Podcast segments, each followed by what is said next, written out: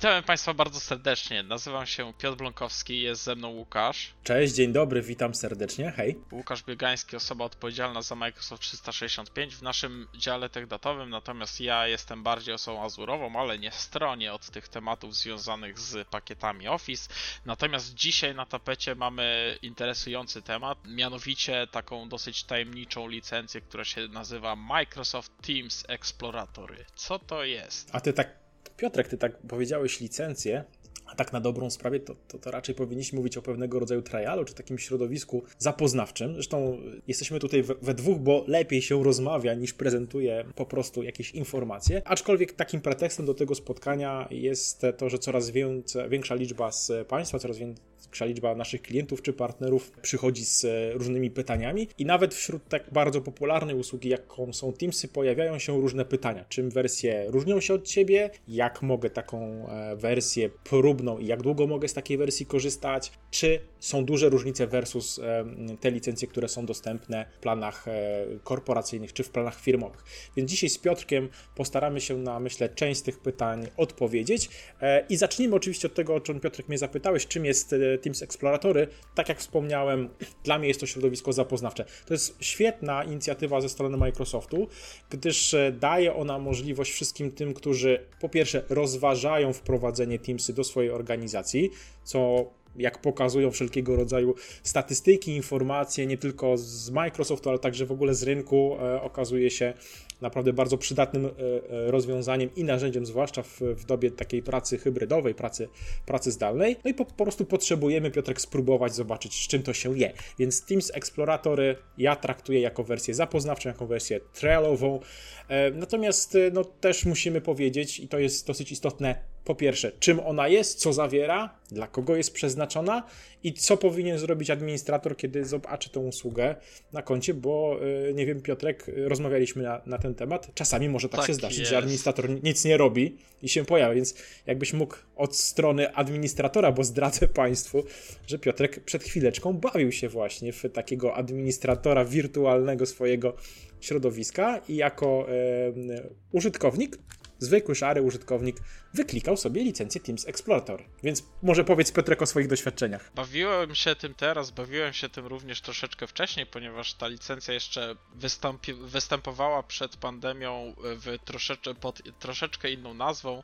Natomiast e, tak, jest to niezwykle enigmatyczna licencja i mocno specyficzna subskrypcja, ponieważ zwykły użytkownik bez wiedzy administratora jest w stanie te licencje przypisać do tenanta Microsoftowego, czyli ogólnego konta organizacji, do której, w której są użytkownicy i do której przypisywane są e, subskrypcje. W związku z tym zwykły użytkownik wchodząc na stronę Teamsów, jeżeli spróbuje skorzystać z tej usługi i zaloguje się w przeglądarce, to w tym momencie u administratora nie zapali się żadna czerwona lampka, no chyba, że to w odpowiedni sposób skonfigurowaliśmy i po wejściu właśnie w spis licencji albo wręcz w aktywnych użytkowników jesteśmy w stanie zobaczyć, że coś takiego nam się pojawiło w tenancie. Coś takiego, co się właśnie nazywa Microsoft Teams Exploratory.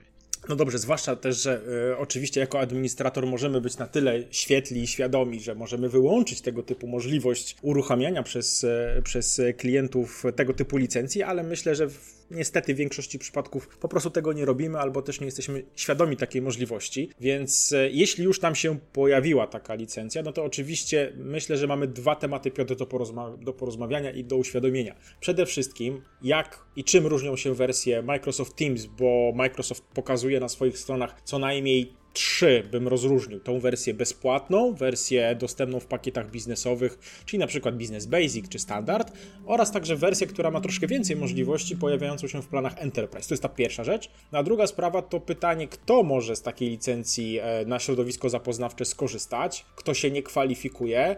No i pewnie na końcu byśmy porozmawiali, co powinniśmy zrobić, e, żeby przypadkiem nie okazało się, że pewne dane firmowe utracimy, bo nie mieliśmy tej świadomości, no albo nie jesteśmy zgodni zgodni z licencjonowaniem, bo to też przypadek, który często się pojawia. To ja ze swojej strony uważam, że na początku powinniśmy wytłumaczyć, co jest właśnie w środku tego Microsoft Teams Exploratory. Otóż po uruchomieniu takiej licencji, nawet przez przypadek, przez użytkownika końcowego, pojawia się nam w katalogu około 100 licencji, z tego jedna będzie przypisana do tego użytkownika, no chyba, że oczywiście więcej użytkowników tam kliknęło. I jeżeli chodzi o zawartość tej licencji, jest to praktycznie ta sama zawartość, która jest w normalnej komercyjnej licencji Microsoft 365 Business Basic, czyli znajdziemy tam tak naprawdę pakiet usług chmurowych, tych takich e, tak naprawdę z możliwością wykorzystania aplikacji w wersji onlineowej. Natomiast oczywiście warto jest zaznaczyć, że ten użytkownik może być troszeczkę zmylony, ponieważ kiedy wejdzie do tych Teamsów, nie będzie mógł obsługiwać kalendarza, mimo tego, że usługę Exchange Online Plan pierwszy, która musi być obecna jednocześnie z tymi Teamsami, żeby Teamsy mogły wykorzystywać kalendarz do mhm.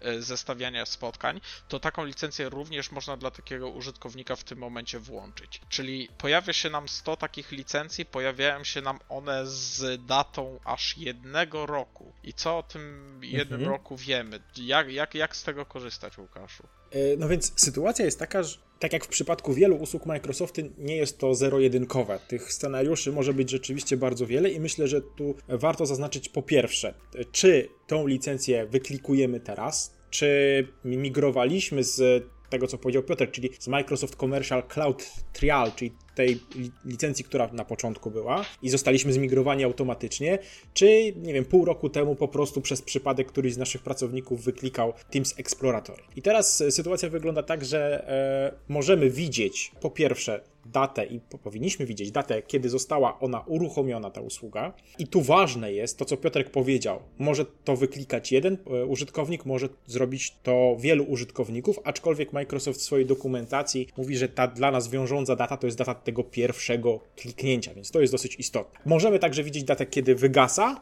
ale w niektórych przypadkach wiemy, bo też nam to zgłaszali nasi partnerzy, po prostu tej daty nie widzimy. Natomiast my staramy się zawsze odnosić do dokumentacji Microsoftu i tam ewidentnie jest informacja, to o czym Piotrek powiedział, że ta licencja jest na okres 12 miesięcy i może teraz przejdę do tego, kto się kwalifikuje. Przede wszystkim są to pracownicy, są to firmy, które mają tą domenę zarządzaną w usłudze Azure Active Directory, dlatego że sam sposób aktywacji, tak jak rozmawialiśmy z Piotrkiem, nie jest do końca jasny, bo wydaje mi się i wydaje nam się, że często pracownik po prostu wchodząc na stronę mógł zobaczyć, jest wersja bezpłatna, Teamsy, klikam, loguję się swoją, swoimi poświadczeniami firmowymi i mam tą wersję bezpłatną. W tym przypadku po prostu pokazuje nam się licencja Teams Explorator. Oczywiście nie mogliśmy wcześniej korzystać z licencji Teams, to jest to pierwsze uruchomienie, to jest również jedno z tych e, punktów, które kwalifikują nas do korzystania z, z tego rodzaju e, usługi. No i oczywiście ta licencja, tak jak Piotrek powiedział, pojawia się na naszym, e, na naszym koncie. Jest tych licencji 100, a później dzięki temu, że administrator widzi ją, może ją rozdysponowywać dalej. Kto się nie kwalifikuje do udziału? No przede wszystkim ci, którzy już korzystają z Teamsów, tak? Wcześniej mieli bądź korzystali z płatnej, nieodpłatnej lub próbnej licencji. E, o tym też pisze Microsoft. Oraz ci, którzy w swojej usłudze otrzymali przynajmniej jakąś jedną specjalną ofertę związaną z e, pandemią, z COVID-em, bo też powinniśmy powiedzieć, że pomysł na popularyzację Teams Exploratory, czy ogólnie Teams, wziął się z tego, że to zapotrzebowanie na pracę zdalną było, było większe. Więc pamiętajmy o tym, kto może, kto nie może i dlaczego czasami jako administratorzy czy, czy osoby, które korzystają z kont firmowych, pojawia nam się ta licencja i z czym ona się je. Myślę, że też warto, Piotr, powiedzieć, czym różnią się tak na dobrą sprawę te wersje bezpłatne, wersje biznesowe i wersje, które są dostępne dla firm e, czy korporacji. Czy chcesz dwa słowa tutaj komentarza? E, no to teraz tak, oczywiście różnią się funkcjonalnością. Jeżeli chodzi o Microsoft 365 Business Basic i Microsoft Teams Exploratory, te licencje są bardzo do siebie podobne, no tylko, że sposób jakby zachowywania się jest troszeczkę inny, no i też pamiętajmy o tym, że jedna licencja jest licencją próbną, jedna licencja jest licencją licencją taką rzeczywistą, komercyjną e, może być wzięta również w wersji trialowej, natomiast normalnie, klasycznie jest to wersja odpłatna. Mamy również wersję Teamsów z pakietu Enterprise. Kiedyś to miało dużo większe znaczenie pod tym względem, że te mhm. pakiety enterprise'owe e, kładły nacisk na takie dodatkowe funkcjonalności typu możliwość e, tworzenia webinariów, typu możliwość tak. tworzenia eventów takich na żywo w momencie, kiedy użytkownicy nie mieli takiego dostępu do klasycznego czatu, tylko do takiej sekcji QA, prawda? I takie e, eventy można było organizować na dużo szerszą publiczność. Ważne jest to, że teraz też Microsoft troszeczkę zmienił podejście do tych funkcjonalności i korzystać również możemy z tych usług enterprise'owych w tych pakietach tak naprawdę należących do tej sekcji SMB, natomiast e, one są po prostu w odpowiedni sposób ograniczone, zmniejszone. Wiadomo, jakby wymagania rynku SMB są troszeczkę mniejsze i co za tym idzie, ta licencja jest troszeczkę tańsza. Dokładnie. Czyli reasumując to, co powiedział Piotrek, możecie Państwo w swoich Teamsach odnaleźć pewne funkcjonalności, które standardowo są zarezerwowane do planów Enterprise. One tam się pojawią jako te, które mają Państwa zachęcić, pokazać możliwości Teamsów, to, że platforma się rozwija, ale z reguły będą miały ograniczenia na przykład w postaci liczby uczestników. To nie będzie tysiąc czy nawet 20 tysięcy, jak mówi Microsoft w spotkaniach na żywo, tylko na przykład 300, coś co jest tożsame dla wszystkich e, licencji e, biznesowych. Natomiast ja chciałem zwrócić na, na, na w tym porównaniu jeszcze na jedną rzecz bardzo ważną Państwa uwagę, dlatego że klikając na tą wersję bezpłatną, tą wersję próbną, jeśli łączymy ją i wyklikujemy, tak powiem brzydko, przez stronę Microsoftu, łącząc z, z naszymi poświadczeniami firmowymi, to dostajemy właśnie, tak jak Piotrek powiedział, Teams Exploratory. Wersja bezpłatna, z której możemy korzystać, jest wtedy przekształcana de facto na, na to rozwiązanie, o którym cały czas mówimy, a sama wersja bezpłatna jest bardzo mocno ograniczona, bo tutaj rzeczywiście na przykład brak możliwości nagrywania spotkań, czas maksymalny spotkań ograniczony do godziny, czy liczba uczestników około 100, rzeczywiście powoduje, że jest to e, no, taka zupełnie, zupełnie podstawowa licencja i ona nie wymaga rzeczywiście tutaj zmian. W przypadku Teams Exploratory ważne jest, żebyśmy pamiętali o tym okresie 12 miesięcy, na co zwraca uwagę Microsoft zarówno w umowie, którą otrzymujemy, z którą się zapoznajemy, ale także w dokumentacji dokumentacji biznesowej. Więc myślę, Piotr, że jeżeli administrator coś takiego zobaczy, no to też powinien być po pierwsze tego świadomy, po drugie być może dajmy mu jakieś rady, co powinien zrobić. Tak, ta świadomość jest e, szczególnie istotna, tym bardziej, że no niestety, niestety nie podejrzewam użytkowników, że przeczytali warunki e, umowy przy tak naprawdę odpalaniu tych licencji w środowisku, a administrator mógł nawet o tym nie wiedzieć. Również zwróćmy uwagę na takie podstawy, jeżeli chodzi o bezpieczeństwo IT. No, włączenie jakiejś takiej usługi możemy kwalifikować w pewien sposób jako podręcznikowy przykład tak zwanego shadow IT, tak? Być może firma dużo lepiej kontroluje i zarządza jakimś innym komunikatorem i tak naprawdę zdaje sobie sprawę z tego, jakie, jaki przepływ danych w nich następuje, natomiast w przypadku, kiedy pojawia nam się nowy komunikator i użytkownicy zaczynają korzystać z tego narzędzia, to w tym momencie po prostu no niewłaściwym podejściem jest zostawienie tego na pas pastwę losu. Pamiętajmy również, że do Teamsów Microsoft posiada osobne rozwiązania z zakresu Microsoft y, Defendera, czyli y, tak naprawdę ochronę przed wyciekami danych, ochronę dotyczącą tak naprawdę wszystkiego, co się dzieje na tych konwersacjach, które są prowadzone, y, jeżeli chodzi o Teamsy. No również wszelkiego rodzaju ustawienia organizacyjne, prawda, bo w produkty Microsoft 365 przyzwyczaiły nas do tego takiego centralnego zarządzania i niektóre funkcjonalności mogą być po prostu wyłączone albo włączone czego byśmy na przykład nie chcieli. I w tym momencie no ci administratorzy, którzy tak naprawdę zarządzają tym środowiskiem, no powinni sobie przede wszystkim zdawać z tego sprawę i mieć to pod kontrolą, ponieważ pamiętajmy o tym, że to jest komunikator internetowy wręcz do złudzenia, czasami nawet przypominający jakieś e, wewnętrzne firmowe social media, w związku z tym informacje, które tam trafiają są no niestety najczęściej związane z jakimiś danymi służbowymi, danymi, które mogą być po prostu traktowane traktowane, mogą być po prostu poufne w organizacji, tak, albo traktowane jako poufne, to mogą być również dane osobowe, a mamy wiele różnych regulacji prawnych, zarówno polskich, jak i europejskich, które nakazują firmom mieć kontrolę nad e, tego typu danymi, nie wiem, określić jakoś analizę ryzyka i tak dalej. E, w związku z tym to są tak naprawdę przesłanki do tego, że jeżeli z czegoś korzystamy, to róbmy to w sposób e, świadomy, czytajmy te umowy. Naprawdę, jak się raz ją przeczyta, to ona nie, nie zmienia się zbyt często, tak?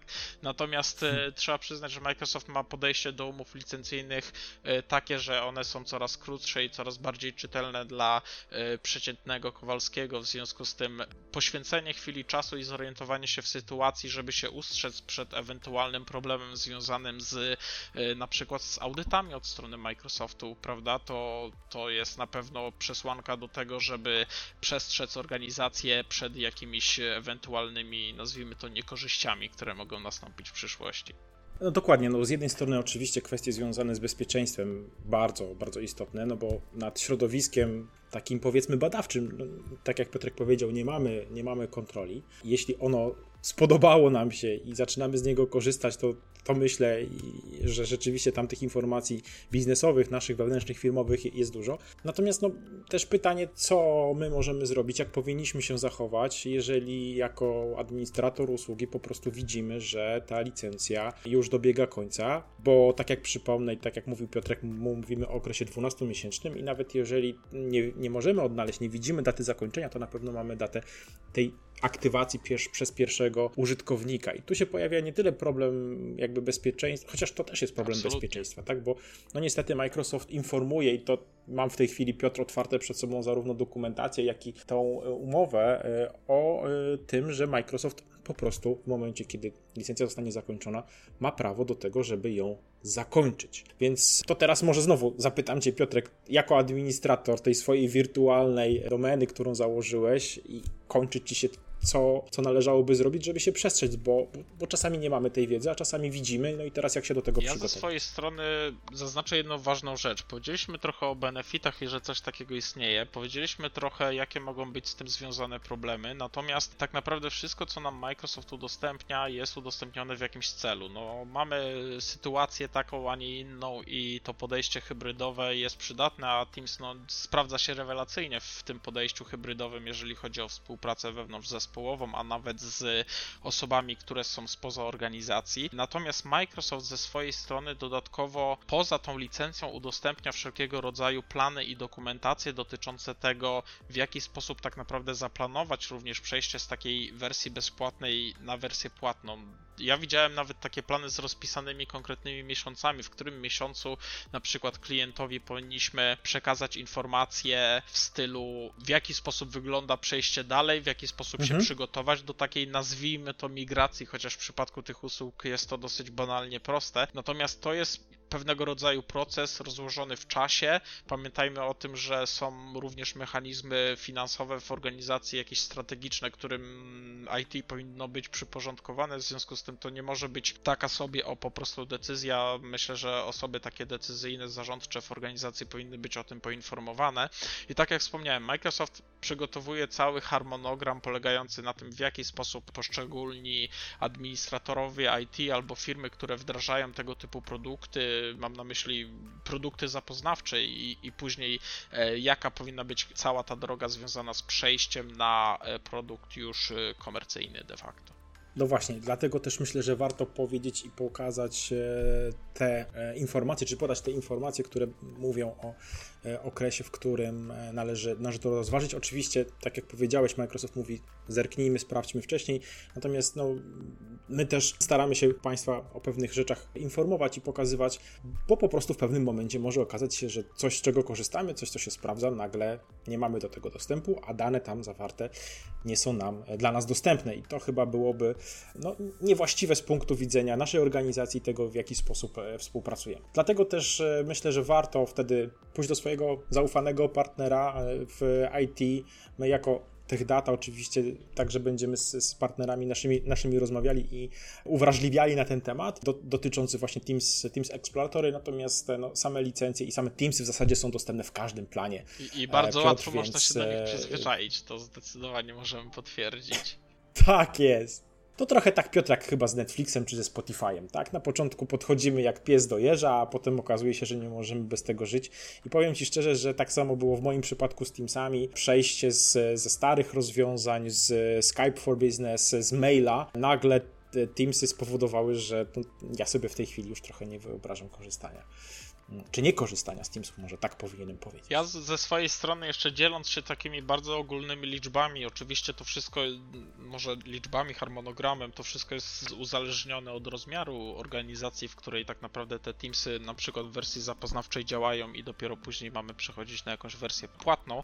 Natomiast najważniejsze elementy to tak pi razy drzwi, 3 miesiące przed wygaśnięciem takiej licencji powinniśmy przynajmniej mieć pomysł, jakie działania powinniśmy podjąć, poinformować informować, jak to by powinno wyglądać w organizacji mm, i tak dalej, i tak dalej. Bardzo ważnym tak naprawdę również elementem dotyczącym tych wersji płatnych jest najzwyczajniej w świecie wsparcie. Wsparcie czy to od strony dystrybucyjnej, jakie posiada tych data, e, czy też wsparcie od strony producenta, który, który tak naprawdę no, no swoim wsparciem obejmuje swoje produkty, szczególnie te subskrypcyjne. W związku z tym to są takie elementy, które w pewien sposób mogą nakierować taką firmę, że jednak mhm. ta licencja płatna jest istotna już poza przyzwyczajeniem użytkowników i tak dalej. W związku z tym to jest te trzy miesiące, mhm. trzy miesiące, jeszcze raz powtarzam, to jest taki okres, w którym warto zacząć przynajmniej o tym myśleć. No ten taki ostatni miesiąc to już jest taki miesiąc newralgiczny. Pamiętajmy o tym, że jeżeli robimy coś na ostatnią chwilę, to niestety może się po drodze pojawić najwięcej problemów. Tak, to ja dodam tylko jeszcze oczywiście, że tak jak w przypadku większości czy wszystkich płatnych rozwiązań Microsoft 365, także Microsoft daje nam gwarancję dostępności do SLA na poziomie 99,9%. Ta finansowa gwarancja daje nam pewność, że taka usługa będzie działała i rzeczywiście nie wpłynie na niekorzystnie w jakiś sposób oczywiście na, na to, jak my w organizacji komunikujemy się wewnątrz bądź na zewnątrz naszych klientów. Więc my serdecznie z Piotrkiem polecamy i zachęcamy do korzystania z e, Microsoft Teams jako de facto huba, którym no w zasadzie można już w tej chwili prawie wszystko, do śledzenia tych wszystkich nowości, które pojawiają się, bo te dzisiaj nawet mieliśmy pytania a propos nowych, nowych rozwiązań, które się pojawiają i jak je uruchomić, jak je przetestować, także tutaj ten organizm żyje bardzo mocno. No i tak jak e, zwróciliśmy na samym początku uwagę, jeśli jesteś administratorem u siebie w firmie, zerknij na licencje, które masz, zobacz, czy tam to Teams Explorer się nie pojawia, a jeżeli tak, to mam nadzieję, że po tym naszym podcaście już e, wiesz, co można i co należałoby zrobić. W wielkim skrócie jeszcze podsumowując te nowości, to pamiętajmy o tym, że ostatnio Microsoft w Polsce odpalił funkcjonalność Calling Plans, czyli możliwość przypinania tak naprawdę telefonów do tego komunikatora, także to było coś, co bardzo długo wyczeki wyczekiwaliśmy na tę mhm. funkcjonalność mhm. na rynku polskim. Również nadchodzą takie nowe produkty, które były ogłaszane y, podczas ostatniego Ignite'a typu Microsoft Viva, tak, to mamy podział na topics, pełniący w pewnym rodzaju funkcjonalność działalność e, taką intranetową. E, mamy Viva Learning, który pozwala realizować ścieżki szkoleniowe i w łatwy sposób je udostępniać dla użytkowników. Mamy również część e, Microsoft Viva odpowiedzialną za taki system zarządzania wiedzą. No i dodatkowo ta funkcjonalność webinariowa, ostatnio te breakout roomy wszyscy również stosujemy. Dodatkowo właśnie możliwość planowania całych cyklów webinariów i tak dalej. No tego trochę jest. Ten produkt mhm. nie stoi w miejscu zdecydowanie cały czas się rozwija i pamiętajmy o tym, że pełne wsparcie e, zarówno od strony dystrybucji i producenta zawsze będziemy mieli w momencie, kiedy korzystamy z tej pełnej płatnej wersji.